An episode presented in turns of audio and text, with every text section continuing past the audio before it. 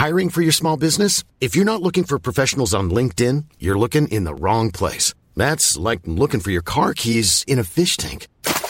LinkedIn helps you hire professionals you can't find anywhere else, even those who aren't actively searching for a new job but might be open to the perfect role. In a given month, over 70% of LinkedIn users don't even visit other leading job sites. So start looking in the right place. With LinkedIn, you can hire professionals like a professional. Post your free job on linkedin.com slash people today. Mother's Day is around the corner. Find the perfect gift for the mom in your life with a stunning piece of jewelry from Blue Nile. From timeless pearls to dazzling gemstones, Blue Nile has something she'll adore. Need it fast? Most items can ship overnight. Plus, enjoy guaranteed free shipping and returns. Don't miss our special Mother's Day deals. Save big on the season's most beautiful trends. For a limited time, get up to 50% off by going to BlueNile.com. That's BlueNile.com. Jag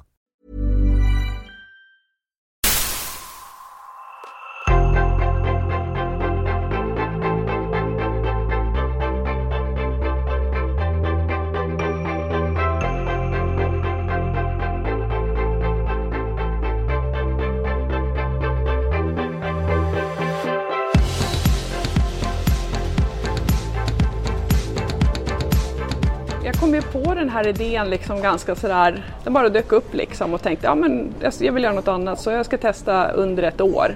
Eh, delningsekonomi tänkte jag. Alltså jag, jag brukar säga liksom att det var nog många saker som hände, både så privat, jag hade en relation som precis hade tagit slut eller ja, tidigare eh, under året och vi hade varit tillsammans sju år och jag var lite trött på jobbet. Jag har skrivit mycket om politik och så här som ledarskribent och trött på den politiska debatten och det här, det var ju 2015 då så liksom hela invandringsdebatten och jag tyckte det blev väldigt så här, så här tjafsigt och konfliktfyllt med bland folk som jag kände liksom. Så att jag, jag tyckte personligen att det var rätt jobbigt faktiskt. Jag, jag tycker det är kul med politiska idéer och, och kanske lite så här mer hur skulle man vilja att saker och ting var men då blev det ju väldigt liksom Ja, det gick bara att skriva om situationen här och nu och det, jag tyckte inte det fanns något utrymme direkt för politiska idéer och sånt där lite mer långsiktiga tankar. Så, att, så jag var väl så lite allmänt less på allt möjligt i tillvaron. Liksom. Sen har jag varit i, en del i Frankrike i Biarritz och, och surfat och väldigt förtjust i, i Biarritz. Så då tänkte jag men jag åker dit en månad och bara för min egen skull liksom.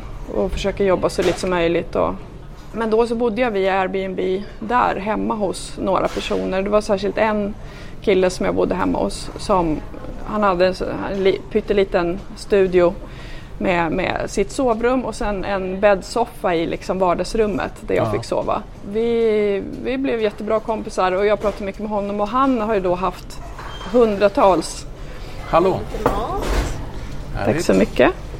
Eh, nej, men han har haft hundratals eh, Airbnb-gäster och hållit på med couchsurfing och sånt där också. Och var väldigt liksom, för honom var det ju som en livsstil det här att det hela tiden kommer in främmande personer i ens liv. Liksom.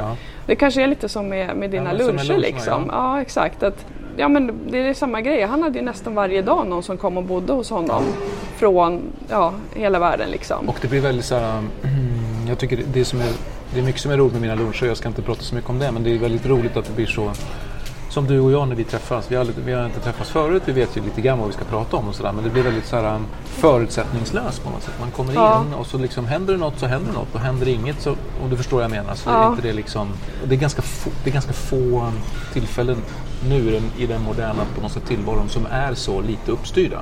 Ja, ja. Oftast är det ju så att man ska möta någon för att det ska ske något specifikt eller att det ska leda till någonting. Eller att liksom...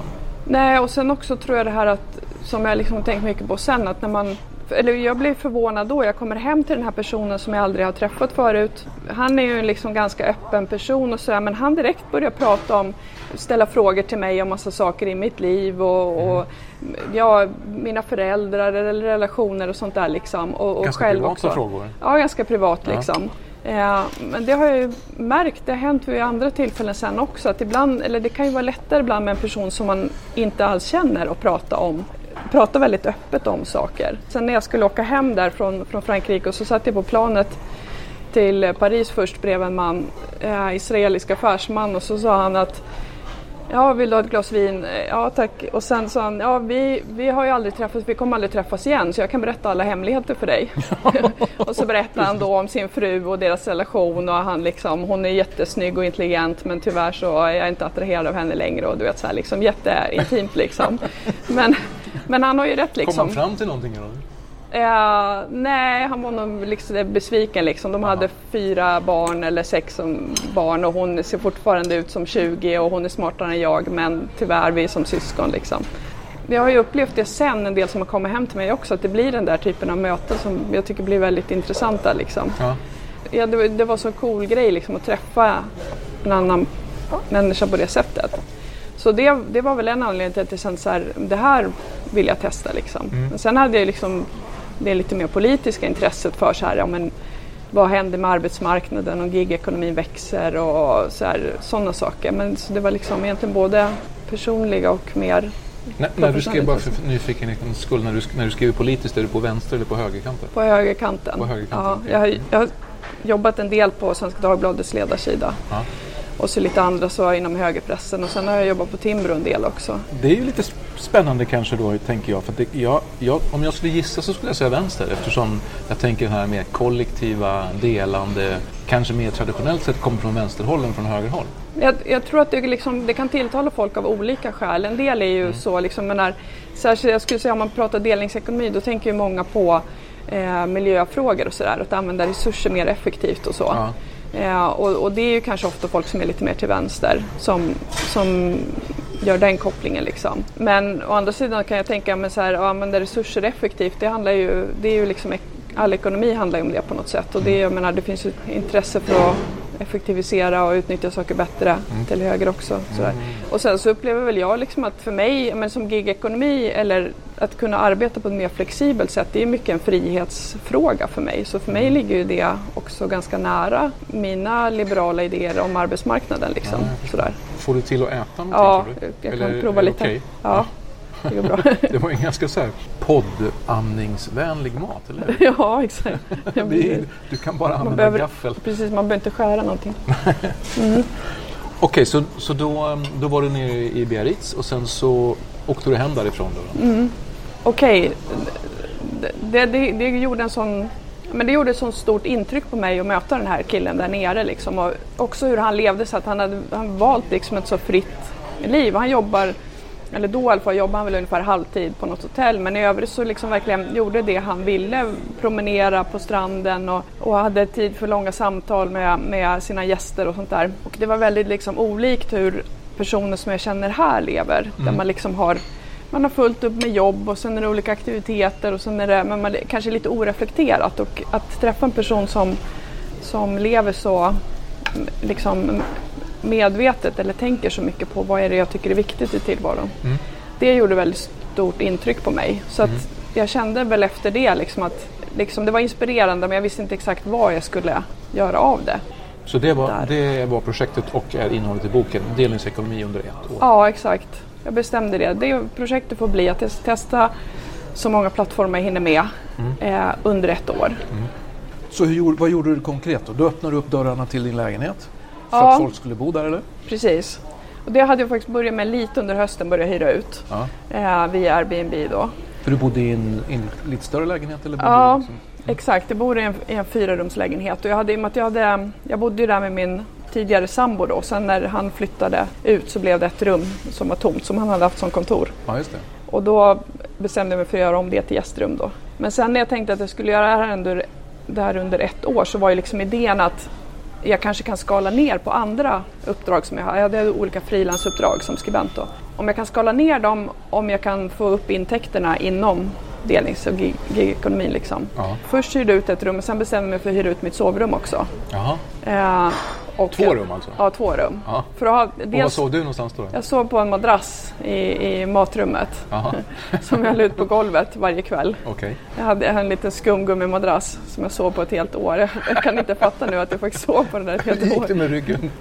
Ja, det gick bra. Jag, det är inte så känsligt. Eh, nej, men så, så, då började jag hyra ut andra rum. Dels, dels Hyrde du ut via Airbnb då? Nej? Ja, via Airbnb också. Ja. Dels för att få mer intäkter så att jag skulle kunna finansiera hyran. Ja. Och sådär. Dels, dels för att få in mera folk liksom. Mm. För att Sen hade jag börjat blogga och då var det liksom... Det måste hända någonting ja. Det måste hända någonting liksom, precis. Så ju mer folk jag hade desto mer berättelser blev det liksom. Som med mina luncher. Ja, ja precis. Ja, exakt. Hur, hur, hur gick det då? Eller hur kändes det då? Du har två, då hade du två personer, okända personer som bodde i din lägenhet. De kunde ju bo två i varje rum så det kunde vara fyra personer. All right. En gång var det faktiskt fem. Det var en mm, koreansk familj som hade med sig en treårig son som Jaha. bodde i ett rum. Och sen var det två tyska bröder i det andra rummet. Så då fem personer. så, så det var coolt. Ja, Ja, det låter som en bra kombo. ja precis. Jo, den här koreanerna har jag, de bodde sedan ett helt år i Uppsala så de blev jag kompis med. De, de bodde bara tillfälligt hos mig i väntan på en lägenhet de skulle få. Det var roligt den där lilla sonen som lekte så här transformer och vecklade ut sig som någon slags robot på mitt köksgolv. Medan tyskarna stod där och stekte pannkakor. Så här. Det gick mycket bättre än jag hade trott liksom. Ja, berätta, hur kändes det då? Hur, hur, hur, hur, fungerar det? Ja, men jag hade nog trott innan att jag är en sån person som liksom har... Jag, jag tycker inte så om att bo ensam egentligen och vara ensam mycket men jag trodde Nej. nog ändå att jag hade liksom behov av att vara för mig själv mer än, än vad jag hade. Ja, nej, men liksom det här att, att det hela tiden fanns människor som kunde dyka upp var nästan bara positivt faktiskt. Att jag gillade det. Okej, så boende var ett väldigt konkret sätt att dela på. Vad, bör- vad, vad, på vilket sätt? Vil- Vilka mer konkreta sätt tog du del i delningsekonomin? Ehm, jo men sen så ville jag ju testa då att dela olika saker Ja. och sådär. Ehm, så att jag, ja, jag gjorde en inventering liksom hemma. Vad har jag som någon skulle kunna vara intresserad av? Jag har väl inte sådär jättemycket spännande grejer liksom. Men, Alltså typ verktyg? Eller ja exakt, så jag hade två cyklar, um, längdskidor, lite verktyg, någon borr och sådär. Lite Ja. hus, ja, typ någon glassmaskin, pastamaskin, symaskin, sådana där grejer. Och sen så hittade jag då olika, olika webbsidor och appar och sånt där där man då skulle kunna hyra eller låna ut saker. Och det fungerar ju ganska dåligt tyvärr. Det blev väldigt lite napp på det. Ah. Finns inte riktigt någon marknad för det än eller? Eller vet var det inte, grejen var tillräckligt att- attraktiva saker som du hade? kanske? Nej, dels så kan det vara det att det inte var så här. För, för jag menar, jag, pratade med en del sen på den Hygglo till exempel, eh, appen där man kan, kan Ja, hyra grejer och sånt där. Och då. Mm. Okej, ja precis. Ja, men då, vad jag förstår det är väl typ så här ett släp kanske till Mm. en bil. Det, det, är liksom, det kan jag förstå, det är något man verkligen behöver och det, ja, liksom, man tjänar lite pengar på att hyra ut det så det finns intresse och sådär. Partytält, men nej, så det kan vara dels beroende på mina grejer. Sen var det att jag gjorde det här 2016 så det var väl kanske lite nytt. Mm. Det fanns inte så många användare. Lite för tidigt ute. Ja, och sen ehm, så bor jag i Uppsala. Det, det är många grejer var ju lite mer etablerade här. Så det kunde vara en kombination tror jag av olika saker. Det kändes ju som att när jag tittade i de här, på de här plattformarna så fanns det ju användare i Uppsala men det var liksom väldigt utspritt sådär. Och det liksom, ja men är det någon som sitter åtta kilometer bort och vill ha en borr så åker han inte hem till mig och hämtar den. Och liksom, det kräver nog en viss täthet. liksom. Det var någon som lånade pastamaskinen och lite sånt där. Men, ja, men inte så mycket. Eh, Men däremot så blev det ju lite som en bieffekt för när jag gjorde det här projektet och började prata om det med folk. Jag började prata med mina grannar till exempel om det här för just att jag hade mycket folk som bodde och så att de skulle veta om vad som pågick. Det är en ganska liten bostadsrättsförening. Ja. Då fick jag lite mer kontakt med grannarna så det har ju blivit mer att jag kanske kan låna grejer av, av dem istället. Jag menar, på något sätt blir de här apparna lite substitut för att förr i världen kanske man ringde på hos grannen och bad att få låna en stege. Liksom. Ja. Och nu gör vi inte det. Och så Eh, visar det sig att det är grannen som är Ja, men vapen, typ. eh, exakt lite så. Men nu har jag den kontakten med grannarna där jag bor så att nu när vi fick barn så är det liksom säkert tre grannar som har sagt ja men ni har ingen bil, om ni vill eh, storhandla så det är okej att låna våran bil liksom. all right. Så det, ja, det är Så det faktum att du har liksom varit öppen med det du gör har, har i sig skapat liksom nya kontaktytor kan man säga. Ja, verkligen. Och sen så, vad gjorde du mer då? Du var, du var en del av de här olika gig-plattformarna också? då, Ja, eller? precis. Och det var det också att det inte fanns jättemånga eh, utan det var ju Taskrunner som jag gjorde en del grejer. Nu, nu har väl den blivit lite mer så strömlinjeformad att det är mest hantverksjobb och ofta grejer som jag inte skulle klara av liksom. Lite mer avancerade grejer. Eh, men då kunde det vara lite allt möjligt så jag gjorde ju något uppdrag, någon som ville att jag skulle köpa korvar på någon affär här i Stockholm och skicka till USA. Alltså det kunde vara lite vad som helst liksom. Så här småjobb. Men också så här, sätta upp en spegel på en vägg åt någon eller ja, men lite det här jag gjorde på, på Tech Farm och montera möb- IKEA-möbler och sånt där. Och sen har jag sen använt en sån här hundvaktar-app. Eh, men den hade jag nog inte kommit i kontakt med då.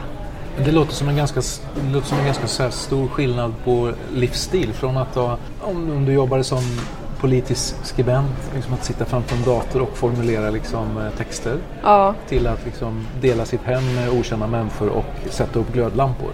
ja. jo precis. Det låter som en ganska stor skifte. Eller? Ja, verkligen.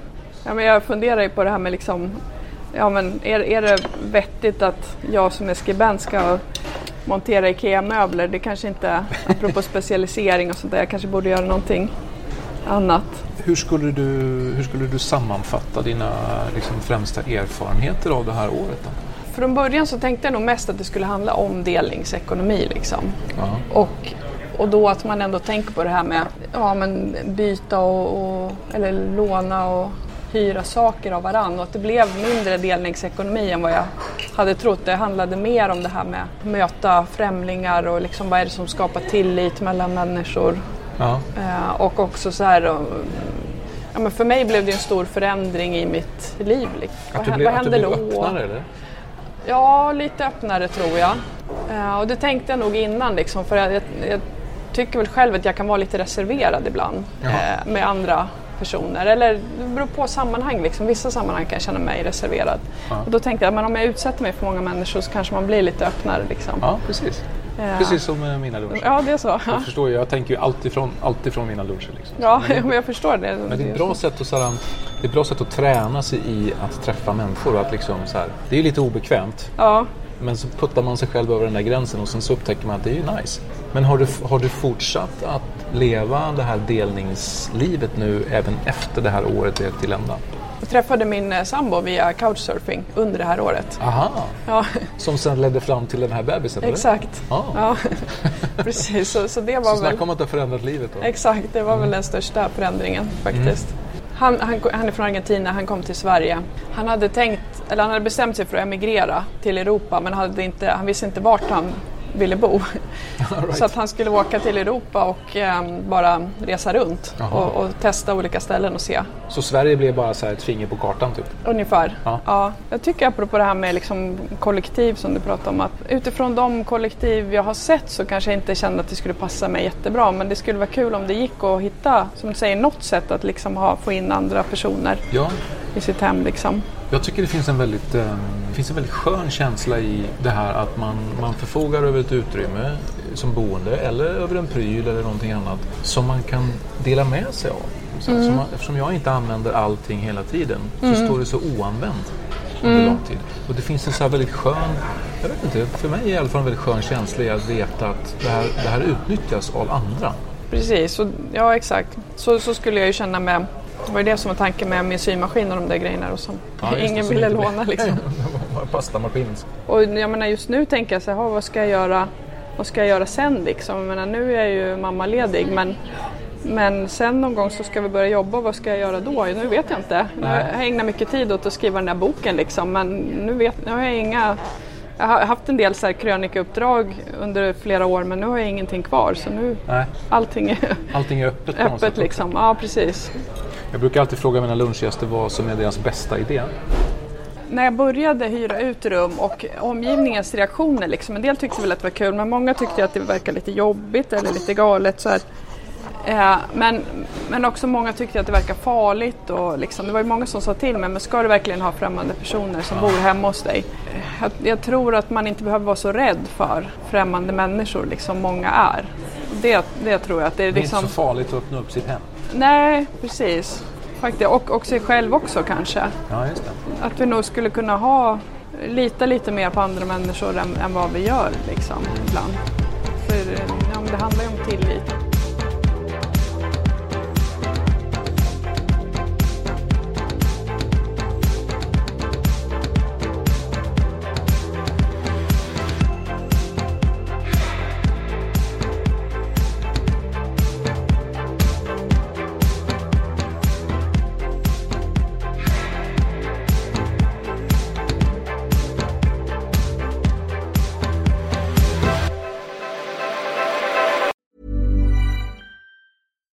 Deserves the best, and there's no better place to shop for Mother's Day than Whole Foods Market. They're your destination for unbeatable savings, from premium gifts to show-stopping flowers and irresistible desserts. Start by saving 33% with Prime on all body care and candles. Then get a 15-stem bunch of tulips for just $9.99 each with Prime. Round out Mom's menu with festive rosé, irresistible berry chantilly cake, and more special treats. Come celebrate Mother's Day at Whole Foods Market. When your skin feels nourished and glows, you radiate confidence. Osea makes giving your skin a glow up easy with their clean, clinically proven Mega Moisture Duo. This seaweed powered duo features two of Osea's best sellers, Undaria Algae Body Oil and Undaria Collagen Body Lotion. Glow from the inside out. Get 10% off your first order with code GLOW at OseaMalibu.com. That's O S E A Malibu.com code GLOW.